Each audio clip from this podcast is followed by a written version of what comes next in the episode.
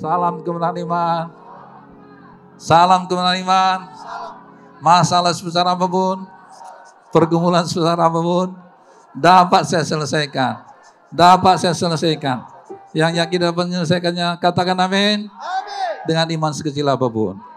Haleluya, berikan tepuk tangan bagi Tuhan kita. Silakan duduk. Terima kasih buat Bang Immanuel dan semua hamba Tuhan, para tim present worship. Puji Tuhan. Haleluya. Saudara diberkati lewat pujian penyembahan kita. Yang diberkati katakan terima kasih Bang. Terima kasih kakak-kakak. Puji Tuhan. Berikan tepuk tangan bagi Tuhan kita Yesus. Semua karena anugerah Tuhan. Haleluya. Saya sungguh-sungguh menyadari saudaraku, semua karena anugerah Tuhan. Memang benarlah Tuhan mengasihi saudara. Mengasihi kita semua. Dia membangun sidangnya begini rupa saudara yang kasih. Haleluya. Seperti Tuhan mengutus Musa ke Mesir saudaraku untuk menyelamatkan bangsa Israel. Demikianlah Tuhan mengutus saya ke Bekasi ini.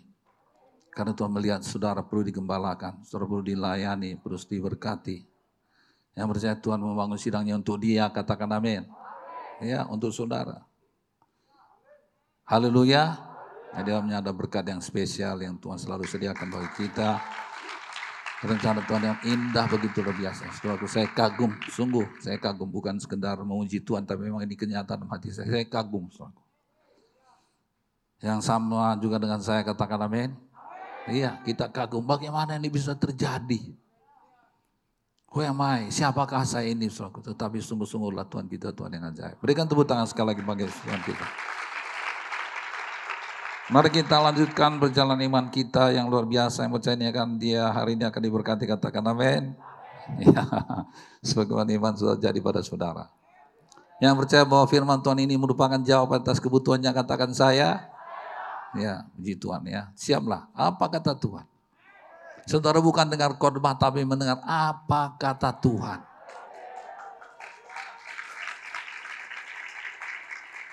Karena apa kata Tuhan itu yang akan dia lakukan. Sebelum dia lakukan, dia katakan terlebih dahulu. Mari punya pengertian yang benar. Seperti yang selalu saya katakan, saudaraku yang kasih. Saya tidak pernah bisa mengontrol apa yang harus saya sampaikan, kecuali roh kudus yang mengontrolnya. Kecuali Tuhan yang memberikan perkataan dalam mulut bibir saya, kecuali dia memberikan tema yang harus saya sampaikan. Jadi saya mengerti itulah maksud Tuhan. Haleluya. Oleh itu mari kita buka sekarang Alkitab kita, kitab dua Raja-Raja pasal 4. Dan hari kita ada pada kitab ayat yang ke-38 maksud saya sampai ayatnya yang ke ya 41, 38 sampai 41 berbicara mengenai maut dalam kuali. Haleluya. Baik, saudaraku yang kasih, sebelum kita bangkit berdiri membaca mungkin ada pada pagi ini di antara kita yang baru pertama kali datang beribadah di sini. Kalau kalau ada di antara saudara yang baru pertama kali datang beribadah di sini, tolong angkat tangannya sebentar. Kalau ada? Baik, tambahnya tidak ada ya. Mari kita bangkit berdiri, kita akan membaca dengan penuh perhatian sambil berbalasan. Bacalah dengan penuh perhatian supaya sementara membaca yang saudara-saudara diberkati. Saya akan membaca ayatnya yang ke-38, surah membaca 39, demikian bergantian sampai terakhir 40. Nanti kita akan membaca secara bersama-sama. Ya. Dua Raja pasal yang keempat yang ke-38, demikianlah firman Tuhan. Elisa kembali ke Gilgal pada waktu ada kelaparan negeri itu. Dan ketika pada suatu kali rombongan Nabi duduk di depannya, berkatalah kepada bujangnya, taruhlah kuali yang paling besar di atas api dan masalah suatu makanan bagi rombongan Nabi itu.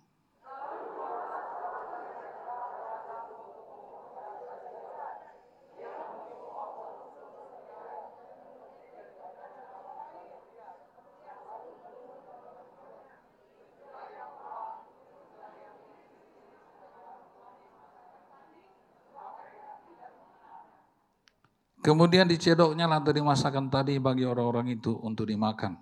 Dan segera sesudah mereka memakannya, berteriaklah mereka serta berkata, mau dalam kuali, hai abdi Allah. Dan tidak tahan mereka memakannya sama-sama. Tetapi berkatalah Elisa, ambillah tepung, dilemparkannya lain itu ke dalam kuali, serta berkata, cedolah sekarang bagi orang-orang ini. Sebelum mereka makan. maka tidak lagi sesuatu dalam bahaya dalam kuali itu. Haleluya. Maka tidak ada sesuatu bahaya dalam kuali itu. Katakan amin. Haleluya. Silakan duduk letakkan Alkitab saudara dan berikanlah tepuk tangan yang meriah bagi Tuhan Yesus. Maka tidak ada lagi sesuatu yang bahaya dalam hidup saya. Hari ini maut akan dikalahkan. Kita menjadi pemenang. Lebih daripada pemenang. Karena Yesus sudah bangkit dari kematian. Maut yang paling berkuasa selama ini sudah dikalahkan. Hai maut di manakah sengatmu? Tidak ada lagi. Di dalam nama Yesus semua bertekuk lutut. Semua lidah akan mengaku bahwa Yesus adalah Tuhan. Bagi kemuliaan Allah Bapa di sorga. Karena apa? Karena Yesus sudah bangkit dari kematian. Haleluya, saudaraku. Nah, saudaraku yang kasih dalam nama Yesus Kristus, Mari kita terus lakukan bagian kita dan Tuhan akan melakukan bagiannya. Itulah sebabnya mengapa pada pagi ini saya ingin kembali mengingatkan saudara supaya tetaplah disiplin. Melaksanakan protokol kesehatan. Saudaraku, COVID ini belum berlalu sama sekali. Jangan lengah. Saya tidak tahu apakah masih juga gereja siapkan di bawah. Fasir masih ya. Ya, baik kami akan siapkan. Tapi sebenarnya lebih bagus saudara bawa sendiri. Kenapa? Karena saudara sadar, COVID ini belum berlalu. Biarlah double protection itu jauh lebih baik. Haleluya. Ya, kami akan layani saudara, tidak cari untung di situ, tidaklah. Tapi karena memang kita ingin menerapkan uh, protokol kesehatan. Haleluya. Nah, mari kita terus doakan supaya suasana kembali pulih. Haleluya. Karena kita percaya semua akan dipulihkan Tuhan. Yang percaya itu katakan amin. Nah, baik, kita berikan tepuk tangan bagi Tuhan kita Yesus. Sesuai serial, lewat firman ini kita akan kembali menerima jawaban atas masalah dan pergumulan yang sedang kita hadapi. Apa pun masalah yang sudah hadapi, dalam Tuhan lah sudah ketemukan jawaban. Ayat 38 tadi berbicara mengenai apa? Kelaparan. Coba perhatikan 38 tadi kembali. Elisa kembali ke Gilgal pada waktu ada kelaparan di negeri itu. Betul? Saya tidak tahu sudah seperti apa keadaan ekonomi negeri kita saat ini. Tapi yang pasti sebagaimana Tuhan memelihara para nabi ini, demikianlah Tuhan akan memelihara hidup setiap umat Tuhan. Apalagi para pelayan Tuhan. Setujukah saudara ada beda yang melayani dengan tidak melayani? Pasti. Setujukah saudara di sorga pun nanti berkatnya pasti berbeda? Pasti. Kalau nggak berbeda ngapain kita melayani? Haleluya. Nah, oleh karena itu mari melayani Tuhan. Nah, seperti yang saya katakan selalu, apa pun yang kita butuhkan kalau dalam rangka melayani jiwa-jiwa Tuhan pasti akan sediakan. Bertekadlah. Murnikanlah hati saudara. Semua sudah lakukan untuk apa? Melayani Tuhan. Itu menjadi berkat bagi banyak orang. Haleluya. Jangan melayani karena ingin diberkati. Ada banyak orang seperti itu. Melayani karena ingin diberkati. Memang betul orang melayani pasti diberkati. Tapi janganlah itu menjadi tujuan saudara. Melayani karena ingin memberkati. Karena firman Tuhan juga berkata, lebih berbahagia memberi daripada menerima. Lebih berbahagia melayani daripada dilayani. Haleluya. Bangunlah roh pelayan dalam hidup saudara. Siapa yang terbesar di antara kami kata murid-murid. Yang terbesar di antara matahari yang terkecil yaitu apa? Yang melayani. Yang merendahkan dirinya. Haleluya. Nah, saudara yang kasih nama Yesus Kristus. Jadi Tuhan pasti akan memeliharakan hidup kita. Ingatlah selalu bahwa firman Tuhan berkata kamu adalah apa? Garam dan terang dunia. Bahkan Tuhan akan memberikan pertolongan kepada dunia ini melalui saudara dan saya. Saudara dan saya lah yang akan dipakai Tuhan untuk memberkati lingkungan ini.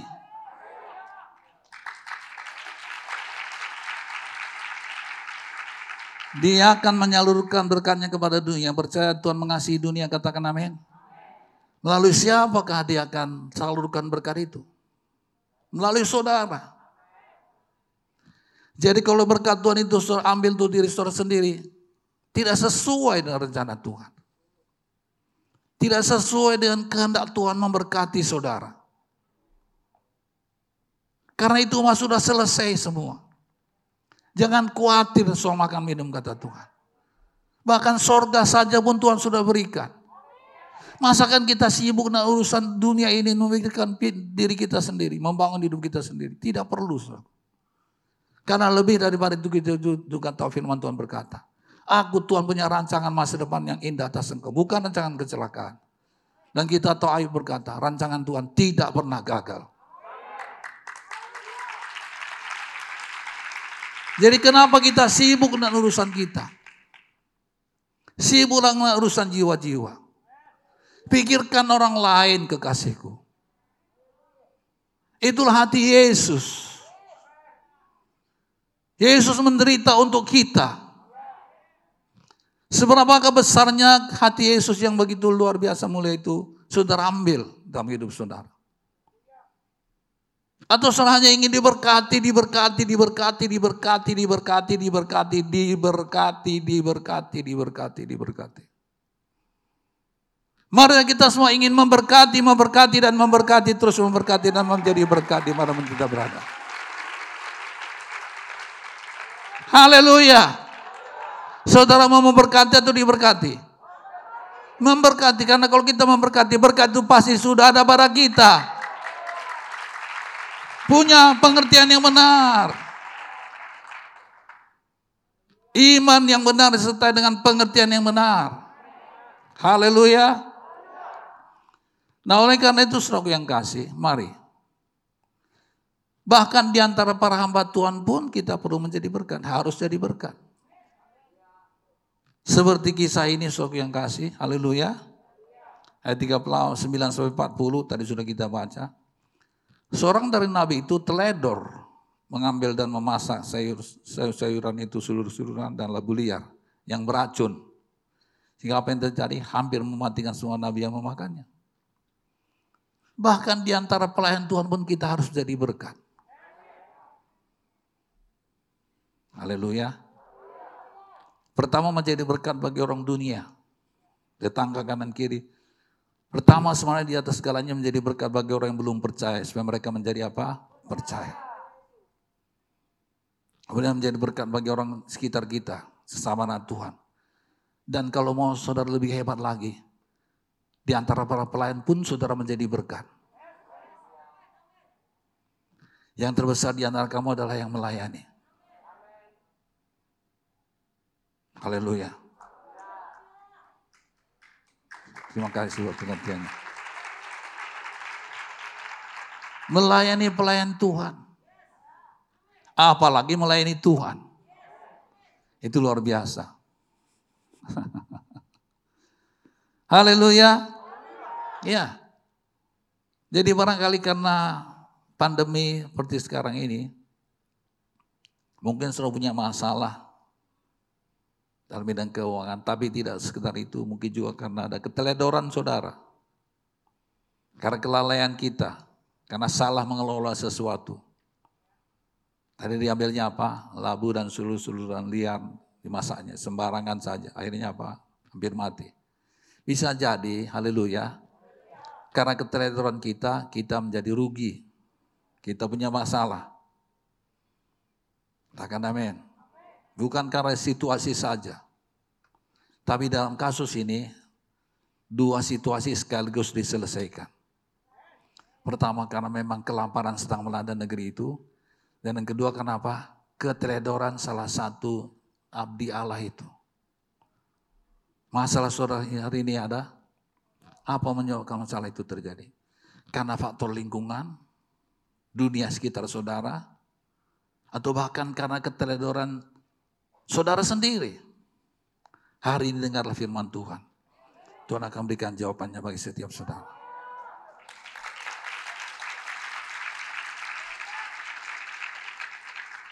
Sebab kita mengaku bukan karena keberhasilan kita, sorry, bukan karena keterampilan kita, ketelitian kita, maka kita berhasil.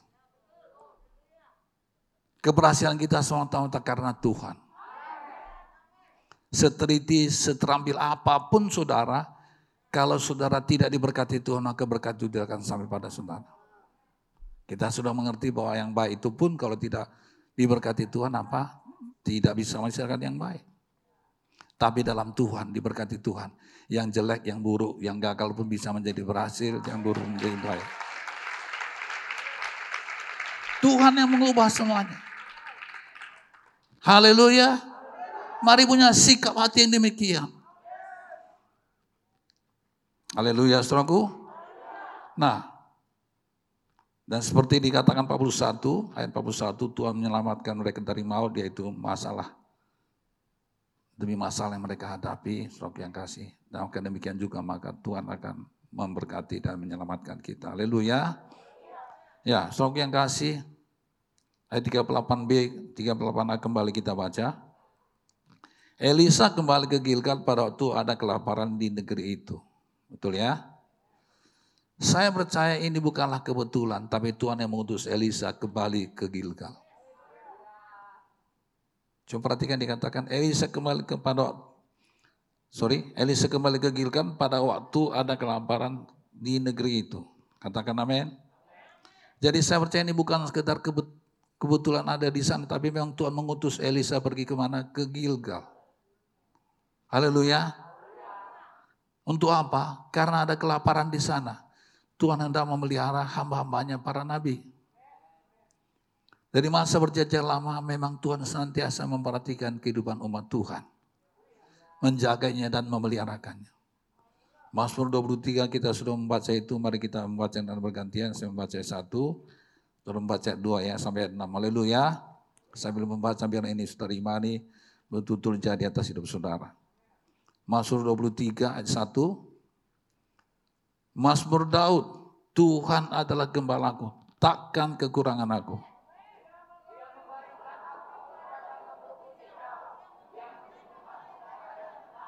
Ia menyegarkan jiwaku, ia menuntun aku di jalan yang benar oleh karena namanya.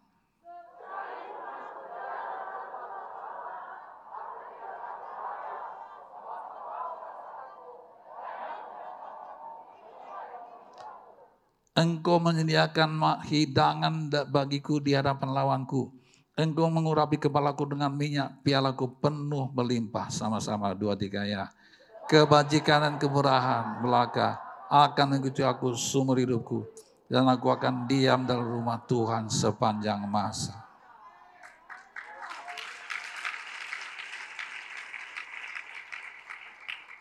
Dari dulu sampai sekarang dan sampai selama-lamanya Tuhan pasti memeliharakan umat pilihannya. Kita mengerti dalam kitab Matius pasal 6 dikatakan, jangan kamu khawatir soal makan minum. Haleluya. Jadi seperti yang selalu saya katakan suraku, Sudahlah selesailah itu urusan materi itu saudara. Pak Bapak ngomong tapi saya akan punya masalah. Makanya saya sudah berikan pada saudara-saudara dengan firman. Jalan keluarnya apa itu? Beri maka akan diberi. Saya tidak ragu-ragu mengatakan itu. Karena Tuhan sendiri berkata apa? Ujilah aku. Mau apa lagi? Haleluya. Karena saya sudah mengalaminya. Dan saya pun bisa buktikan untuk saudara bahwa Tuhan kita memang Tuhan yang kaya. Saudara ingat apa yang saya katakan gedung remedi dibangun untuk apa? Untuk apa? Membuktikan kepada jemaat gereja kemenangan iman seluruh Jabodetabek bahwa Tuhan yang kita sembah adalah Tuhan yang sanggup melakukan segala perkara.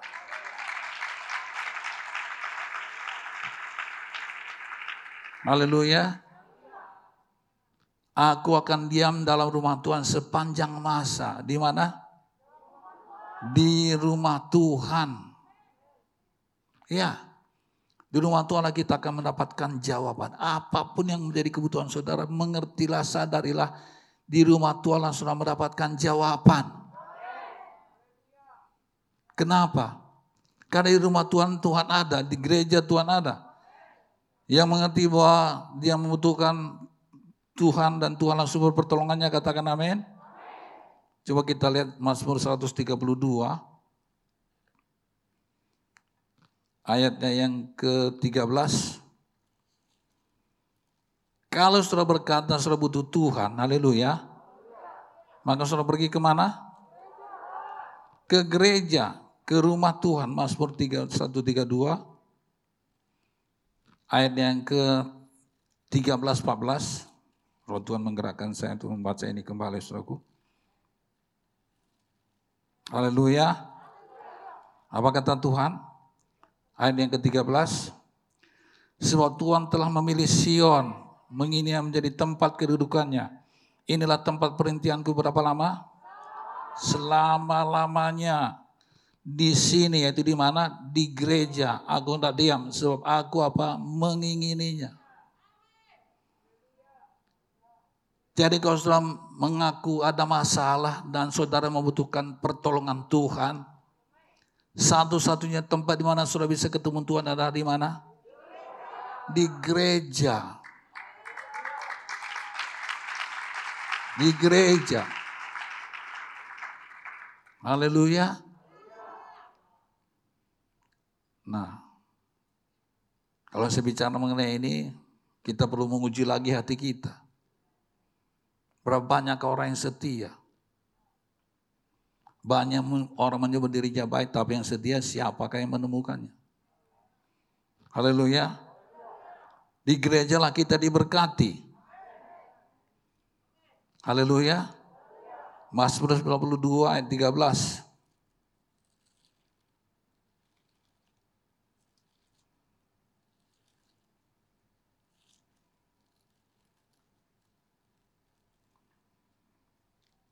Orang menara akan bertunas seperti pohon korba. Akan tumbuh subur seperti pohon aras di Libanon. Mereka yang apa? 14. Mereka yang ditanam di bait Tuhan. Tertanam di gereja. Haleluya. Mereka yang ditanam di bait Tuhan akan bertunas di pelataran Allah kita. Pada masa tua pun mereka masih berbuah menjadi gemuk dan segar untuk memberitakan bahwa Tuhan itu benar, bahwa ia gunung batuku, tidak ada kecurangan padanya. Haleluya. Haleluya.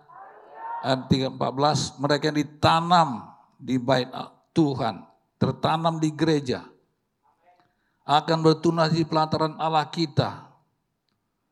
15, pada masa tua pun, apa? Mereka masih berbuah menjadi gemuk dan segar. Untuk memberitakan, untuk menyatakan, untuk membuktikan bahwa Tuhan itu benar. Bahwa ia gunung batuku tidak ada kecurangan padanya. Tidak ada kecurangan pada Tuhan. Kalau saudara sudah memberi, dia pasti memberi. Siapa memberi banyak, dia pasti diberi banyak. Tidak ada kecurangan pada Tuhan. Dia berjanji dan pasti mendapati. Fokuslah kepada Tuhan. Arahkanlah hati dan pikiranmu kepada Tuhan. Berharaplah hanya kepada Tuhan saja. Karena hanya dialah sesungguhnya yang sanggup menolong saudara. Manusia tidak bisa. Setan menolong tapi jeratnya begitu luar biasa. Mencelakakan, membinasakan kita. Tapi Tuhan bukan saja menolong kita, tapi memberikan kita hidup dan hidup sampai selama-lamanya. Bukan saja sekarang, tapi masa depan yang penuh pengharapan Tuhan sudah sediakan. Anak cucu orang benar tidak pernah ditinggalkan oleh Tuhan. Haleluya. Mari fokuslah sayang, fokuslah saudaraku. Jangan khawatir apa pun juga kata Tuhan.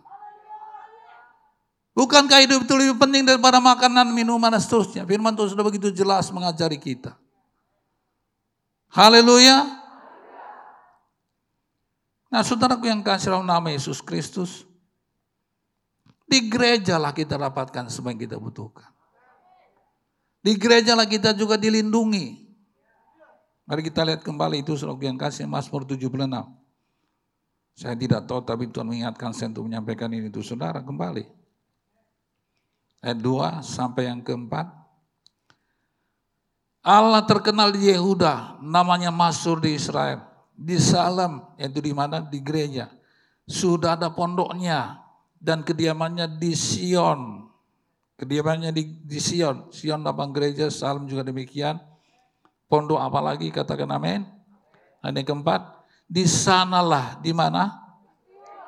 Di Sion, di gereja, dipatahkannya panah yang berkilat perisai dan pedang dan alat ber, alat perang. Haleluya. Di gereja lah dipatahkan segala serangan-serangan si iblis. Masuk jahat manusia. Kuman dan sakit penyakit. Yang percaya di gereja dia selamat, dia aman dan tentram bahkan diberkati Tuhan katakan amin. Jadilah pada suara sebagaimana saudara. Haleluya. Jadi di rumah Tuhan kita akan mendapatkan jawaban apa pun masalah kita. Marilah mengerti itu. Dan seperti yang kita sudah mengerti dalam berkali saya sampaikan. Bukan saudara yang memilih di mana surga kebatian. Tapi Tuhanlah yang mengaturkannya. Saudara mencari apa kata Tuhan? Saudara mencari apa kehendak Tuhan? Dia akan menyampaikan kehendaknya kepada saudara di mana? Di tempat di mana dia akan sampaikan. Karena setiap gereja pesannya pasti berbeda. Haleluya. Dan Tuhan melihat orang yang apa? Setia. Adakah pengajaran lain daripada itu yang benar? Tidak ada. Haleluya. Maka dalam Tuhan di gereja orang yang lemah akan menjadi kuat. Orang yang gagal akan menjadi berhasil. Bahkan orang miskin akan menjadi kaya. Orang sakit akan menjadi sembuh, orang terikat akan dibebaskan, orang terikat akan diselamatkan. Di mana? Di gereja. Haleluya. Nah, suruh yang kasih nama Yesus Kristus dari sekian banyak permintaan Salomo pada waktu pentahbisan gereja. Ya. Pertama itu bait Allah. Salah satu di antaranya adalah mengenai tulah kelaparan dan sakit penyakit. Coba kita lihat surat yang kasih dua Tawarif pasal yang ke-6, ayat yang ke-28 sampai 31 saya baca perhatikan ya. Dua Tawarif pasal 6 ayat 28. Apabila ada kelaparan di negeri ini, di Indonesia ini, apabila ada penyakit sampar, COVID-19, hama dan penyakit gandum, belalang dan belalang pelahap, apabila musuh menyisakan mereka di salah satu kota mereka. Apabila ada tulah atau penyakit apa pun. Saya begitu kagum. Bukankah sekarang kondisi masih seperti ini? Firman Tuhan juga masih terus bicara soal ini. Sudah setuju bahwa ini bukan rancangan saya? Inilah kata Tuhan. Kelaparan, yang mengancam hampir membawa kepada kematian. Wabah. Ya, dan seterusnya ya. Ini adalah doa daripada Salomo terhadap gereja. Ayat 29. Lalu seseorang, bahkan seorang saja pun, atau segenap umatmu Israel memacatkan doa dan permohonan di rumah ini dengan menadahkan tangannya karena mereka masing-masing mengenal, mengenai, mengenal tulahnya dan menderitanya sendiri. Karena sadar dia sudah dalam keadaan menderita. Sadar punya masalah dan hanya Tuhan yang sanggup menolong. Ayat yang ke-30. Maka engkau pun kiranya mendengar dari sorga tempat kediamanmu yang tetap. Dan kiranya engkau mengampuni dan membalas kepada setiap orang sesuai dengan per, segala perbuatannya. Karena engkau mengenal hatinya, so, engkau sajalah yang mengenal hati anak-anak manusia. Ayat 31 dikatakan apa? Supaya mereka takut akan engkau dan mengikuti segala jalan yang engkau tunjukkan selama mereka hidup di atas muka, di atas tanah yang telah kau berikan kepada nenek moyang kami. Semua pun daripada Tuhan. Dan atas permohonan doa daripada Salomo tersebut apa kata Tuhan? Coba lihat pasal kedua, dua Tawarikh pasal 7 ayat 1. Apa katanya? Ayat 1 demikian. Apa yang terjadi jawaban Tuhan? Setelah Salomo mengakhiri doanya, api pun apa? Turun dari langit, memakan habis korban bakaran, korban-korban sembelihan itu. dan kemuliaan Tuhan memenuhi rumah itu. Haleluya. Ya, itulah jawaban Tuhan. Yaitu dia berkata apa? Amin. Iya. Sama seperti Tuhan mengabulkan permintaan daripada Elia. Kalau Tuhan berkata iya, dia bertindak. Katakan amin. Dan tindakannya apa? Api turun dari langit. Ayat yang kedua, para imam tidak dapat memasuki rumah Tuhan itu karena kemuliaan Tuhan memenuhi rumah Tuhan memenuhi gereja. Sudah merasakan dari Tuhan yang kuat ketika kita memuji dan menyembah Tuhan? Iya.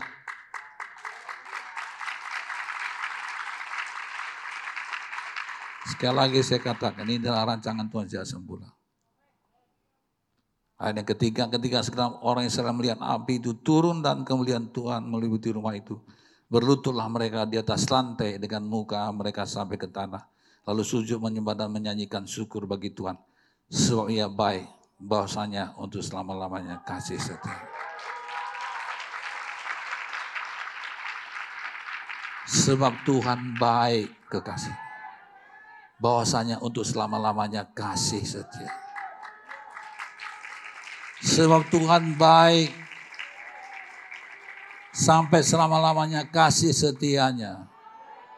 Kalau dulu Tuhan menolong, maka sekarang pun dia akan menolong sampai selamanya. Dia adalah sumber pertolongan kita. Haleluya. Iya. Ada begitu banyak permintaan doa daripada Salomo tadi. Silakan dibaca ayat 12 sampai 42 di rumah. Semua kebutuhan saudara, saudaraku, ada saudara dapatkan di gereja. Jawabannya tentunya. Dengar firman Tuhan lakukan. So dengan firman dan tidak melakukannya tidak bisa berbuat apa-apa, tidak bisa jadi apa-apa. Iman harus sertai dengan apa? Tindakan. Iman tanpa perbuatan bagaikannya iman yang mati. Dengar dari Tuhan, ketahui apa yang harus lakukan dan lakukan. Maka apa yang Tuhan katakan pasti dia akan lakukan.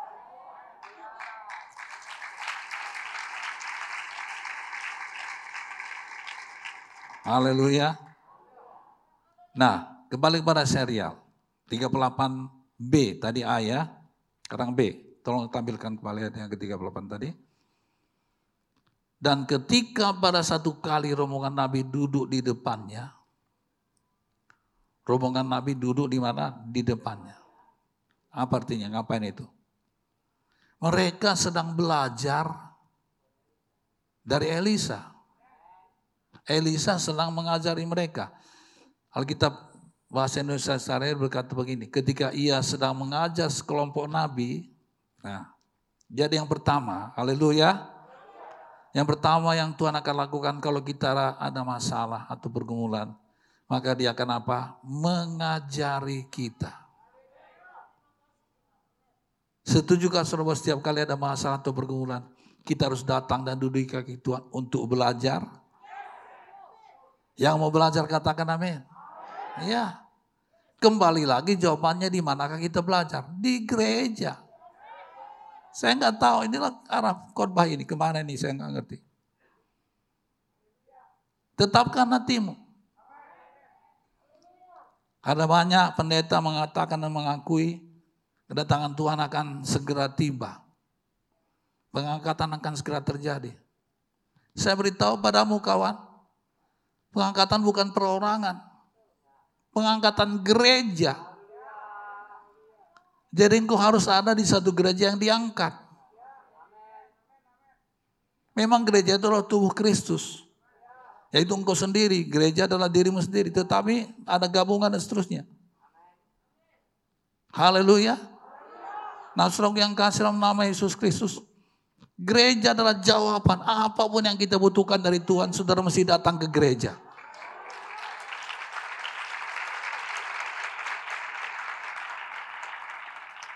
Elisa sedang apa tadi? Mengajar sekelompok nabi karena mereka dulu di depannya. Sedang apa? Belajar.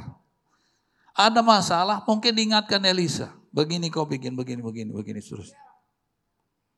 Di mana kita belajar? Di rumah Tuhan. Mari kita lihat di Yesaya pasal 21 sampai 3. Kembali lagi rumah Tuhan adalah jawaban semuanya. Ayat 1 Yesaya pasal 2 Firman ini nyatakan kepada Yesaya bin Amos tentang Yehuda dan Yerusalem. Ayat yang kedua, akan terjadi pada hari-hari yang terakhir. Gunung tempat rumah Tuhan akan berdiri tegak. Di hulu gunung-gunung dan menjulang tinggi di atas bukit-bukit. Segala bangsa akan berundun ke sana. Itu ke mana? Ke gereja. Ayat yang ketiga sama-sama kita baca. Dua, tiga ya. Dan banyak suku bangsa akan pergi serta berkata. Mari kita naik ke gunung Tuhan. Ke rumah Allah Yakub. Supaya mengajar kita tentang jalan-jalannya. Dan supaya kita berjalan menempuhnya Sebab dari Sion akan keluar pengajaran dan firman Tuhan dari Yerusalem.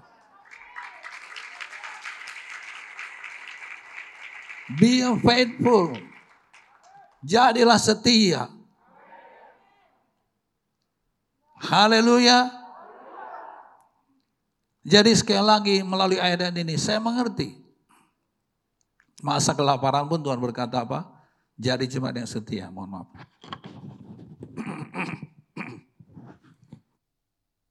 Haleluya. Nah, saudara yang kasih dalam nama Yesus Kristus, kalau kita mau belajar, pasti kita dapatkan jawabannya. Kalau ada masalah, kita harus belajar. Yang mau belajar setiap kali ada masalah, katakan amin. Masalah itu bukan dibuat atau diperkatakan Tuhan untuk membuat kita menderita, tidak. Tapi supaya kita bertambah dewasa. Bagaimana caranya supaya bertambah dewasa? Belajar. Semua mendatangkan kebaikan. Bagaimana caranya mendatangkan kebaikan? Lewat masalah, saudara belajar. Yang mau belajar katakan saya, iya. Karena dalam segala kondisi masalah pasti ada kelemahan, ada kekurangan kita. Tapi daripadanya kita belajar dan kita akan bertumbuh menjadi dewasa. Haleluya. Sehingga ke depan kita tidak lagi melakukan hal yang sama. Karena kita sudah mengerti, kita sudah belajar, sudah punya pengalaman. Sehingga ke depan kita akan berhasil dan berhasil naik dan tetap naik, tidak menjadi turun, bukan menjadi ekor, tapi jadi kepala. Itu yang akan terjadi. Terlebih lagi yang belajar adalah orang yang rendah hati. Katakan amin. Iya. Dari mana kita belajar? Dari firman Tuhan. Firman Tuhan yang mengajari kita. Haleluya. Iya. Oh kalau sudah lihat begini betapa hebatnya jadi hamba Tuhan bukan? Betul apa tidak? Pendeta di atas presiden mestinya begitu posisinya. Pada zaman perjanjian lama memang begitulah maksud Tuhan. Minimal orang-orang hebat bertanya kepada Tuhan melalui hamba Tuhan. Jadi hamba Tuhan itu lebih hebat dari semua orang. Saudaraku. Haleluya. Karena dia punya firman. Dia bukan bicara tentang dunia saja, tapi tentang dunia yang akan datang. Kehidupan yang kekal. Haleluya. Dari mana kita belajar? Dari firman Tuhan. 2 Timotius pasal 3 yang ke-16. Segala tulisan yang diilhamkan Allah, yang diilhamkan Allah yaitu Alkitab, memang bermanfaat untuk apa? Mengajar. 2 Timotius pasal 3 16. Segala tulisan yang diilhamkan Allah yaitu apa? Alkitab. Memang bermanfaat untuk apa? Mengajar untuk menyatakan kesalahan, untuk memperbaiki kelakuan dan untuk mendidik orang dalam kebenaran. Mau menjadi orang benar? Lakukanlah firman Tuhan. Di luar firman Tuhan salah. Udah pasti salah. Tapi dalam firman Tuhan walaupun tidak masuk di akal pasti benar. Pasti jadi kenyataan. Ya. Jadi bisa jadi masalah itu muncul karena kesalahan kita. Makanya daripadanya kita harus bela. Nggak apa-apa, orang belajar kok. Katakan amin.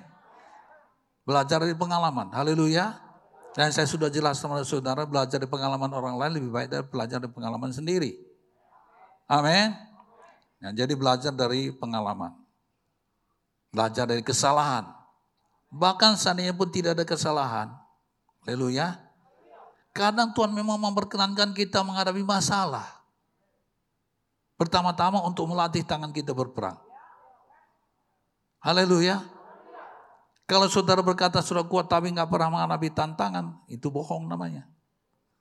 Orang yang dikatakan kuat itu pasti karena sudah pernah mengalami tantangan dan dia keluar sebagai pemenang. Haleluya. Memang Tuhan kadang-kadang perkenankan itu. Untuk apa? Meningkatkan kadar iman kita. Melatih tangan kita untuk berperang. Haleluya. Nah sekaligus juga dalamnya adalah untuk menguji kita. Memurnikan kita. Yang setuju bahwa dia terus menerus harus dimurnikan katakan amin. Enggak usah saudara, saya pun harus terus menerus dimurnikan. Saya terbuka pada Tuhan dari mana saja saya harus diperbaiki. Kasih tahu pada saya. Haleluya. Ulangan pasal 8 ayat kedua, apa kata firman? Untuk mengunci kita. Ulangan pasal 2 ayat yang ke 8 ayat yang kedua. Ingatlah kepada seluruh perjalanan yang kau lakukan atas kehendak Tuhan Allahmu. Di padang gurun selama berapa? 40 tahun ini dengan maksud meredakan hatimu dan mencoba engkau untuk mengetahui apa yang dapat apa yang dalam hatimu yakni apakah engkau berpegang pada perintahnya atau tidak. Kadang-kadang memang kita tidak menemukan ada satu masalah karena kelemahan kita tetapi masalah tetap ada. Apa maksud Tuhan? Untuk menguji untuk melihat apa yang dalam hati kita jadi jangan selalu berkata, apa sih salah gua kok bisa begini? Untuk menguji engkau. Pujilah Tuhan. Bilang kau sedang mengalami masalah dan tidak ada kesalahanmu di sana. Pujilah Tuhan. Bersyukurlah. Pasti di dalamnya ada kemenangan yang luar biasa. Tapi kerap kali setan memutar balik fakta. Lihat kan kau nggak punya kesalahan, nggak ada punya masalah. Perpuluhan kau bayar, kau rajin kebaktian, melayani. Tapi lihat kan punya masalah. Makanya lo. Nah, berapa lama kita, berapa kali kita sering ditipu setan dengan cara seperti itu? Tidak. Haleluya. Katakan, ada kesalahan kau atau tidak kesalahan kau, aku akan tetap memuji Tuhan. Aku akan bersyukur pada Tuhan. Nah, pada waktu itu selok yang kasih segala bunyi lonceng di sorga. Teng lulus, katakan amin. Pada tunggu bersyukur dan mengucap syukur senantiasa dan bersuka cita senantiasa mengucap syukur dalam segala perkara. Pada waktu itu telah di sorga bunyi. Teng lulus. Naik kelas, haleluya. Katakan amin. Karena apa? Seberapa besarnya pencobaan itu tidak akan pernah lebih daripada kekuatanmu. Kalau engkau melawannya engkau pasti menang.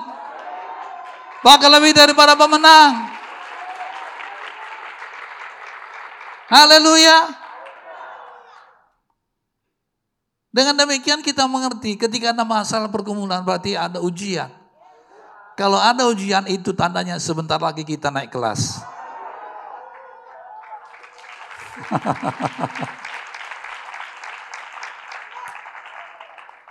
Yang mau belajar terus, terus belajar tanpa ujian, katakan amin. Oh.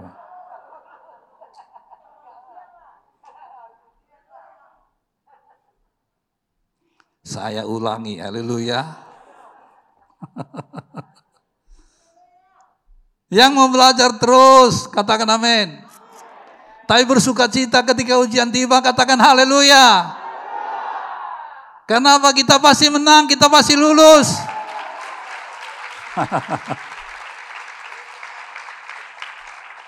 Jadi kalau ada ujian, jangan mengeluh. Berarti apa? Kita naik kelas.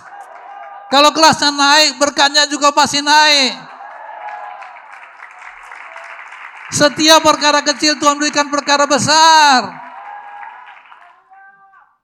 Haleluya. Makanya firman Tuhan berkata mengucap syukurlah dalam segala hal. Bersuka citalah kapan? Senantiasa. Masalah jadi atau tidak jadi. Karena masalah, karena kekuranganmu atau tidak. Itu no problem. Yang pasti masalah itu besar apa pun kita pasti bisa mengatasinya. Haleluya. Tuhan itu bukan saja Tuhan yang adil. Oh sorry, bukan Tuhan yang setia saja, tapi dia adalah Tuhan yang adil. Haleluya. Tadi dikatakan soal Allah setia. Karena itu tidak, ia tidak akan membiarkan kamu dicoba melampaui kekuatanmu. 1 Korintus 10 ayat 13 bukan? Haleluya. Pencobaan-pencobaan yang kamu alami adalah pencobaan biasa yang tidak melebihi kekuatan manusia. Tolong tampilkan 1 Korintus 10 ayat 13.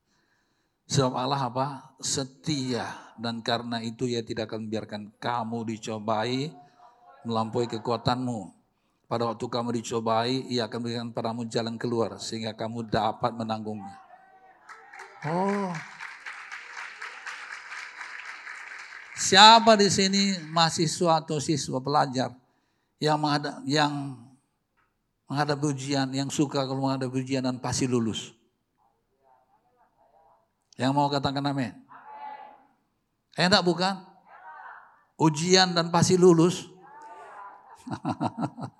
Ini dia nih.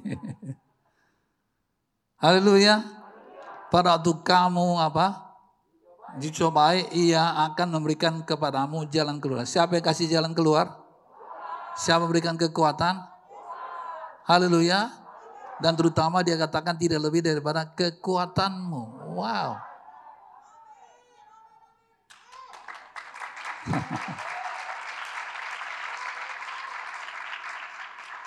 Kenapa? Simpel saja. Baik kita mengakui bahwa karena Tuhanlah kita ada sebagaimana ada. Bukan kuat dan gagah kita. Tapi dan terutama dia juga bukan Tuhan yang suruh yang kasih setia saja. Tapi dia Tuhan yang apa tadi? Adil. Tuhan tahu kekuatan kita. Haleluya.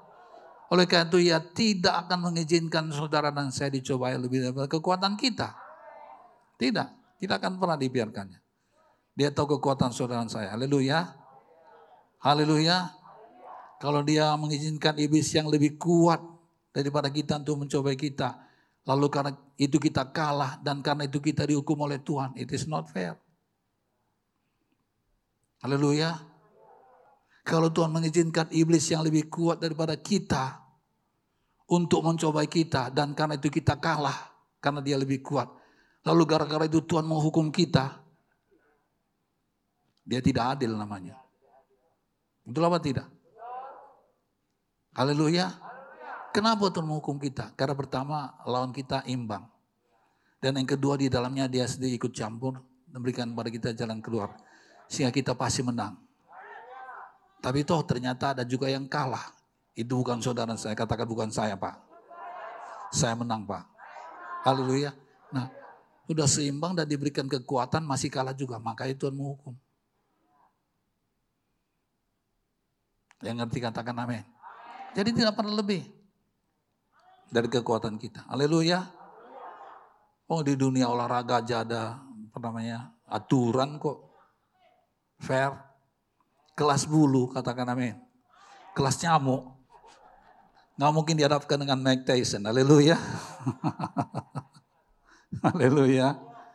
Saudara kelasnya apa? Enggak ada masalah.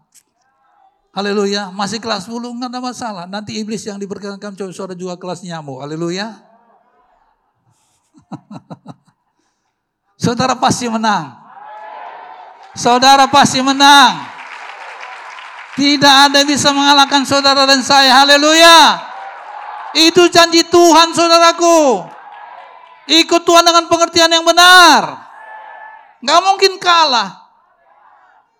Lawanlah iblis maka akan apa? Lari dari padamu. Lawan saja dalam nama Yesus. Persoalannya kerap kali kita nggak melawan. Haleluya. Nah, saudara yang kasih dalam nama Yesus. Jadi tidak perlu lebih dari kekuatan kita. Saudara berkata, Pak, tapi Ayub seperti apa Pak? Ayub memang diuji oleh iblis kelas berat. Tapi ingat, iman Ayub juga kelas berat. Haleluya. Dia memang dicobai oleh iblis yang kelas berat, tapi iman Ayub juga iman yang kelas berat. Coba kita baca yuk. Haleluya. Ayub 1 ayat yang ke-13 sampai ayat yang ke-22. Haleluya. Haleluya. Saya bacanya yang ke-13. Ibu Gembala mau baca enggak? Ada enggak? Silakan ya. Oke, haleluya. Oke, saya baca 13 sementara 14. Haleluya gantian. Amin, saudaraku. Ayub 1 ayat 13. Pada satu hari ketika anak-anaknya yang lelaki dan perempuan makan-makan dan minum anggur. Nah, di rumah saudara mereka yang sulung, ayat 14 silakan dua tiga ya.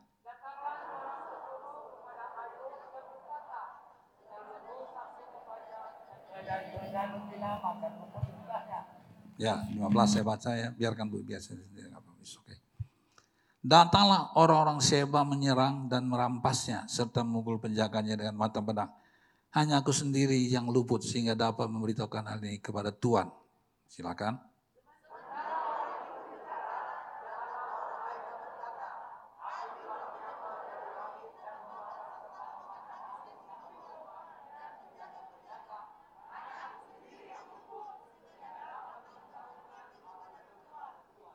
Sementara itu orang berbicara, sementara orang itu berbicara, datanglah orang lain dan berkata, orang-orang kasih membentuk tiga pasukan, lalu menyerbu unta-unta dan merampasnya, serta memukul penjaganya dengan mata pedang.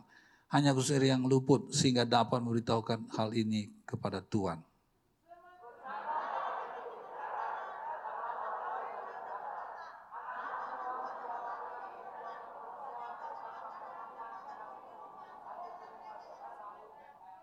Wow, 19. Maka tiba-tiba angin ribut bertiup dari seberang padang gurun. Rumah itu dilandanya pada empat penjurunya dan roboh menimpa orang-orang muda itu. Sehingga mereka itu anak-anak Ayub mati. Hanya aku sendiri yang luput. Sehingga dapat memberitahukan hal itu kepada Tuhan. Sama-sama kita baca dua tiga ya. Maka berilah Ayub lalu mengoyak jubahnya dan mencukur kepalanya. Kemudian sujudlah dia dan menyembah. 21 Katanya, dengan telanjang aku keluar dari kandungan ibuku. Dengan telanjang juga aku akan kembali ke dalamnya. Tuhan yang memberi, Tuhan yang mengambil. Terpujilah nama Tuhan.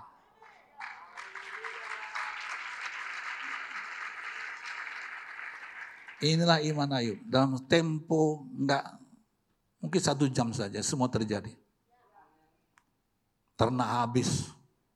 Katakan amin rumah roboh, anak-anak semuanya mati. Baru saja saya bicara langsung datang lagi yang lain yang lain yang datang. Dalam momen satu jam semua habis lenyap. Apa katanya? Tuhan yang mengambil, Tuhan yang memberi, Tuhan yang mengambil. Terpujilah nama Tuhan. Ayat 22.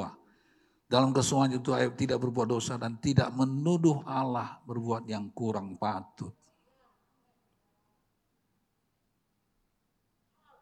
Haleluya.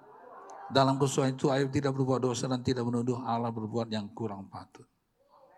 Katakan wow. Katakan wow luar biasa ya. Amin. Kalau iman surah belum seperti Ayub, janganlah takut.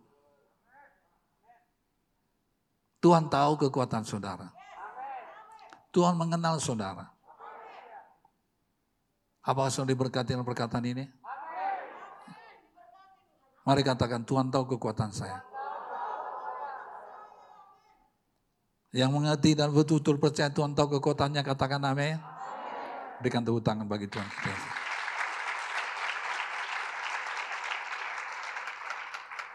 Dari mana kekuatan kita? Dari Tuhan juga. Bagaimana kita menjadi kuat? Kalau kita baca firman. Menundukkan firman Tuhan. Kalau kita mau belajar. Dari mana kekuatan kita? Dari Tuhan. Mari kita lihat yuk 2 Korintus pasal 4 yang ketujuh. Itu tidak datang tiba-tiba. Orang semakin kuat itu karena apa? Karena latihan. Haleluya. Di rumah saya beli barbel, saya beli serok yang kasih alat untuk stretching, serok yang kasih. Apa? Saya kuat. Saya beli treadmill supaya saya bisa berjalan kapan saja saya mau. Haleluya. Latihan kalau mau kuat. Haleluya. Dua Korintus pasal 4 ayat ke-7. Dari mana kekuatan kita? Dari Tuhan. Tapi harta ini yang kami punyai dalam bencana tanah liat. Supaya nyata bahwa kekuatan berlimpah-limpah itu berasal dari apa? Dari Allah. Bukan dari diri kami. Ya. Jadi dari Tuhan kita dapat kekuatan. Ayat 8. Dalam segala kami ditindas namun tidak terjepit. Kami habis akal namun tidak putus asa. Ini yang terjadi. Kami dianaya namun tidak tinggalkan sendirian. Kami dihempaskan namun tidak binasa.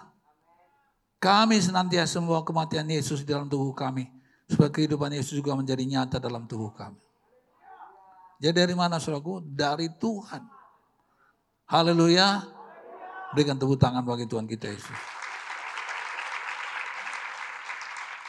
Haleluya saudaraku yang kasih. Dan kasus ini, katakan amin. Kita mau tahu bagaimana cara Tuhan menolong para nabi itu. Mari kita lihat sekarang 38C, masih 38C. Waktu saya rupanya sudah terlalu panjang ini ya. Berkata ia kepada bujangnya, taruhlah kuali yang paling besar di atas api dan masalah suatu makanan bagi rombongan Nabi itu. Dari sini kita ketahui bahwa Tuhan selalu memperhatikan kebutuhan kita, bukan saja kebutuhan rohani, jasmani, tapi juga kebutuhan badani, kebutuhan materi. Katakan amin. Tuhan tidak akan membiarkan kita kelaparan. Haleluya apalagi keracunan. Amin. Ayat yang ke-39 sampai 41. Silakan baca kembali surat yang kasih. Ayat yang ke-40 saja. Ya, silakan 40 sampai 41. 2 3 ya.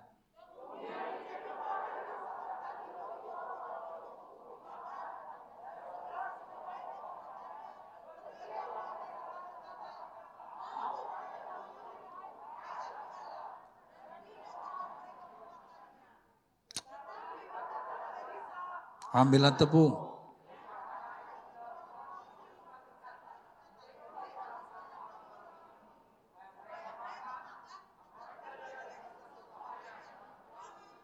Haleluya. Berikan dulu tepuk tangan bagi Tuhan.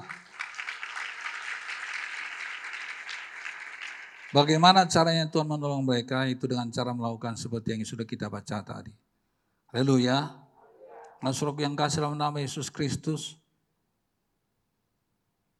Mungkin akibat COVID dan juga seperti yang saya katakan tadi, saudara kehilangan pelanggan. Saya lebih bagus mendarat sedikit lah. Mengalami masalah dalam bidang usaha saudara. Haleluya. Atau mungkin karena saudara selama ini bekerja di satu perusahaan lalu kemudian saudara di PHK. Sehingga sekarang saudara sedang punya masalah. Bahkan tuh makan saja susah. Saya mau beritahu satu hal saudara yang kasih. Kalau memang persoalan begitu rupa, sukar, sulit, dan seterusnya. Sebagai gembala atas jiwa saudara, atas jemaat Tuhan ini, saya juga menyatakan pada saat ini, saya akan melakukan sesuatu untuk saudara. Haleluya. Saya tidak akan membiarkan jemaat GKI Jabodetabek mengalami masalah dalam hal makan minum pakai. Kalau ada saudara yang punya masalah seperti itu, tolong beritahu pada saya melalui pemimpin kelompok saya, saudara. Supaya saya bisa berbuat sesuatu. Yang setuju katakan amin. Karena firman Tuhan berkata tadi, jangan khawatir akan makan minum. Katakan haleluya. Saya sudah katakan. ya Seperti Elisa ini, saudaraku. Dia tidak biarkan murid-muridnya itu kelaparan. Saya akan lakukan sesuatu juga. Bagaimana caranya, nanti Tuhan akan atur. Haleluya. Saudaraku yang kasih dalam nama Yesus Kristus, tapi satu perkara di sini yang kita pelajari lagi adalah karena keteledoran, karena kekurangan kelemahan para nabi itu.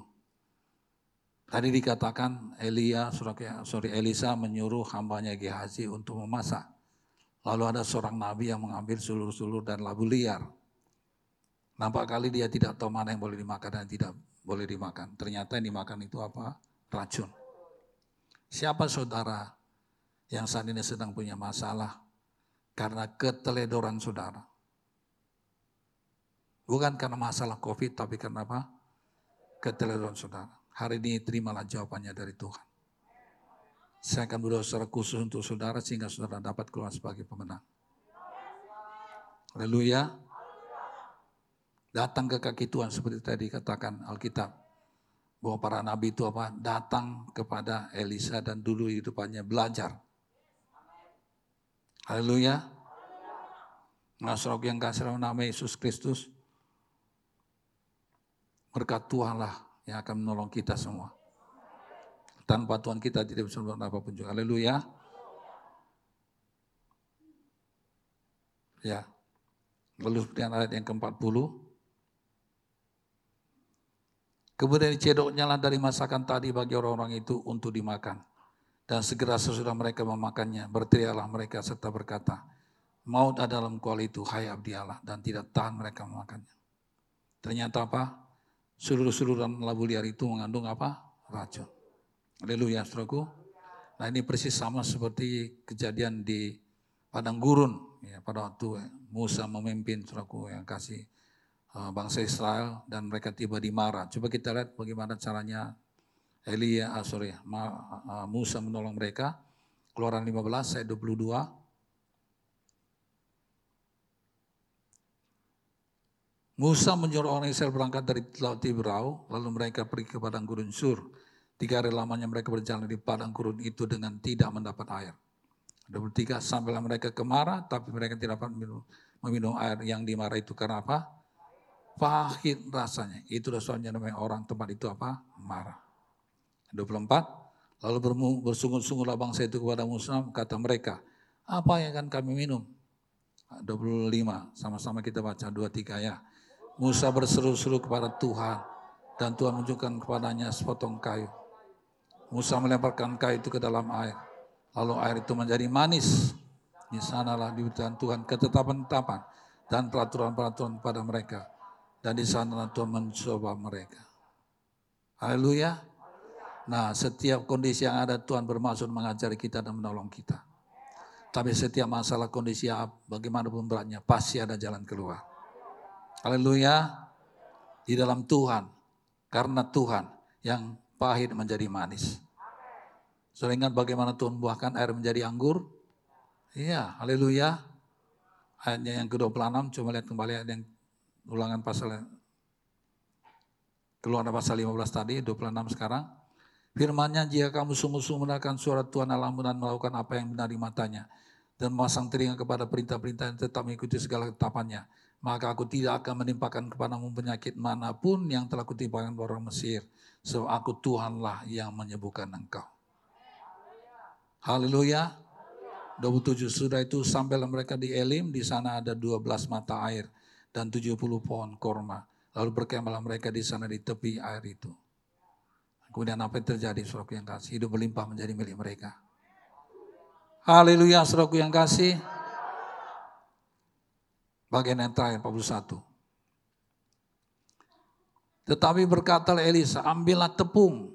Dilemparkannya itu ke dalam kuali serta berkata, Cedoklah sekarang bagi orang-orang ini supaya mereka makan. Maka apa yang terjadi? Tidak lagi sesuatu baik dalam kuali itu. Haleluya.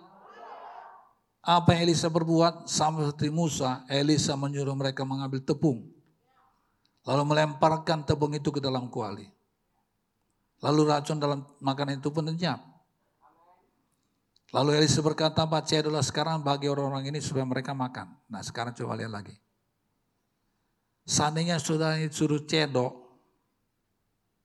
haleluya, dan disuruh makan, sudah mau apa enggak? Haleluya. Tadi ada apa? Racun, ada mau di dalam kuali.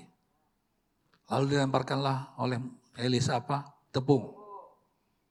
Sekarang dia katakan makan. Ambil dan cedok dan makan. Kalau saudara di situ, saudara suruh makan, saudara mau nggak makan? Inilah kehidupan. Tidak bisa lepas dari iman. Haleluya. Saudara mau karena apa? Karena saudara percaya. Saudara melihat bahwa hidup ini tidak bisa lepas dari iman. Ya. Amin. Jadi mereka selalu yang kasih, haleluya, mau memakannya kenapa? Mereka percaya. Yang percaya kepada Tuhan katakan saya. Jadilah kepada saudara sebagaimana sudah percaya.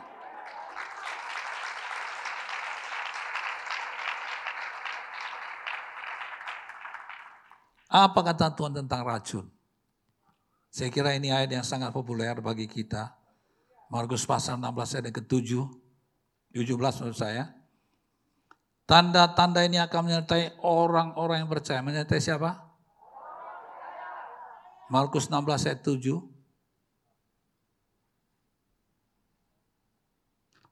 Tanda-tanda ini akan menyertai orang-orang yang percaya. Menyertai siapa? Ya, mereka akan mengusir setan-setan demi nama hukum. Mereka akan bicara bahasa-bahasa yang baru bagi mereka. Mereka akan memegang ular dan sekalipun mereka minum racun maut. Mereka tidak mendapat celaka. Mereka akan meletakkan tangan seorang sakit dan orang itu akan apa? Sembuh. Menyertai siapa ini? Orang percaya, bukan menyertai pendeta, bukan menyertai hamba Tuhan, tetapi orang percaya. Apa tanda-tandanya? Pertama apa? Mengusir setan dalam nama Yesus. Nah sekarang coba saya tanya pada saudara. Haleluya. Kalau pada masa Ayub hidup Yesus sudah mati. Amin. Dan kemudian dia lawan iblis itu di dalam nama Yesus. Iblisnya masih bisa bekerja enggak? Enggak bisa. Taruhlah Tuhan izinkan Ayub dicoba oleh iblis yang begitu hebat. Dan Ayub melawannya dengan menggunakan apa? Nama Yesus. Iblisnya masih bisa bekerja enggak? Masih bisa membunuh anak-anaknya? Masih bisa menghampar, merampas harta bendanya? Menghancurkan rumah-rumahnya? Enggak bisa. Jadi apa yang terjadi?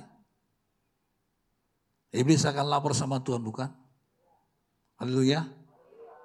Gimana kabar lu? Udah jadi cobain hamba ku Ayub. Katakan amin. Ayub ginting. Haleluya. Lalu Iblis bilang apa? Haleluya. Iblis bilang apa? Iya nggak bisa karena gua diusirnya. Haleluya. Apa kata Tuhan? Rasain lu. Yang saya mau sampaikan, haleluya, berikan tepuk tangan dulu lah. Yang saya mau sampaikan adalah, katakan amin. Kalau masa perjanjian lama saja umat Tuhan, apalagi hamba Tuhan bisa menang, apalagi di masa perjanjian baru. Roh Tuhan ada pada kita, pada setiap orang percaya. Pada waktu perjanjian lama, katakan amin. Orang-orang yang dipenuhi roh Allah siapa? Para nabi. Tapi sekarang setiap orang percaya bahkan teruna-teruna pun dipenuhkan oleh roh Allah. Kuasa nama di atas segala nama sudah diberikan pada kita. Maka kita sudah pasti menjadi pemenang, bahkan lebih daripada pemenang. Tidak mungkin bisa dikalahkan apa pun.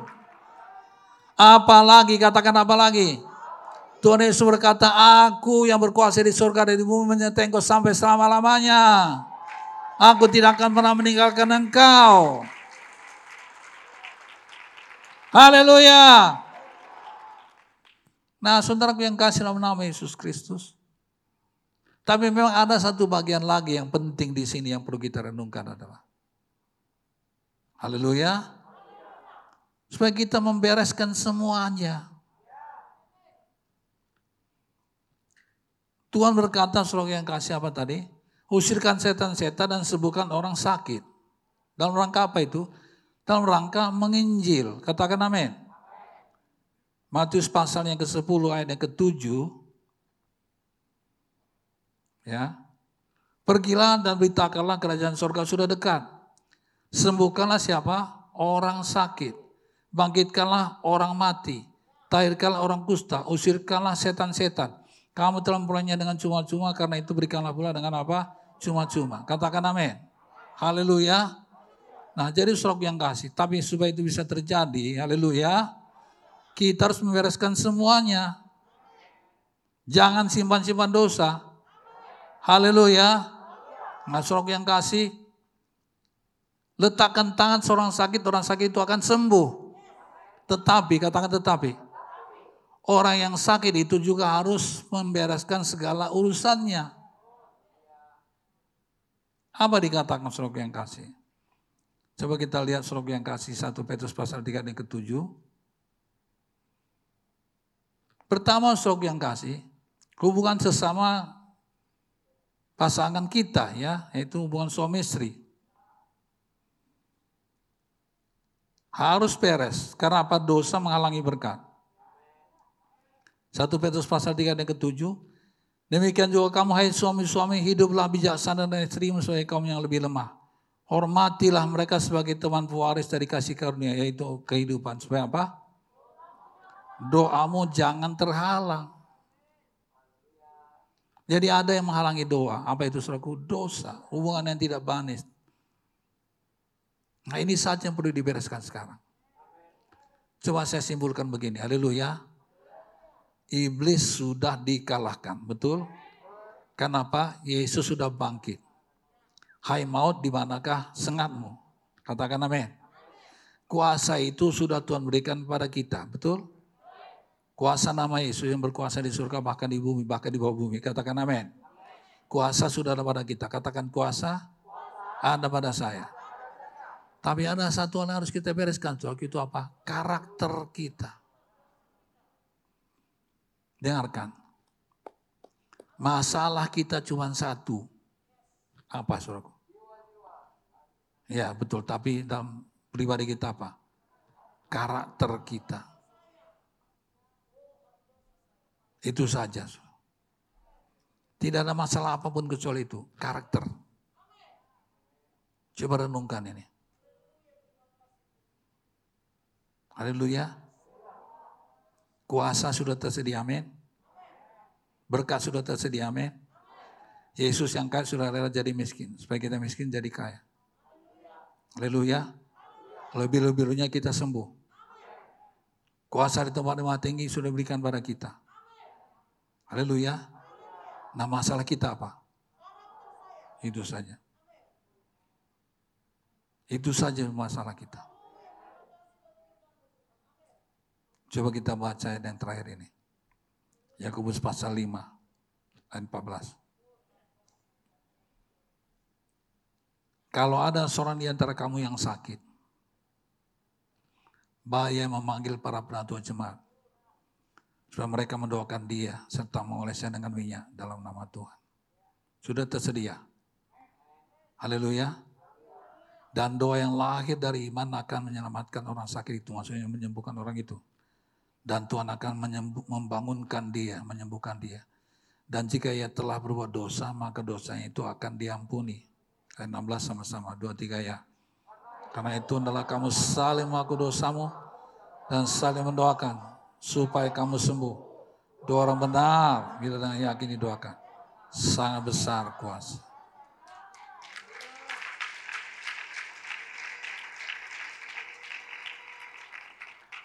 Jadi orang benar. Bagaimana jadi orang benar? Aku yang benar itu adalah benar, yang salah itu adalah salah.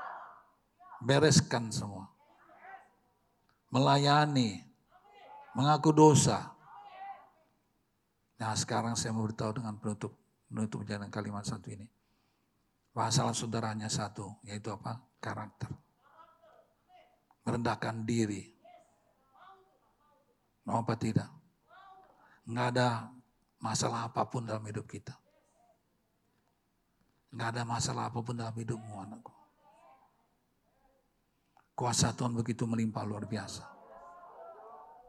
Semua berkat sudah tersedia. Masalah kita cuma satu, karakter. Mau merendahkan diri atau tidak. Mau mengaku dosa apa tidak. Mau mengampuni apa tidak saling mengampuni supaya kamu sembuh. Haleluya. Tuhan Yesus memberkati kita semua. Dan saya akan semua. Mari kita bangkit berdiri, saudara.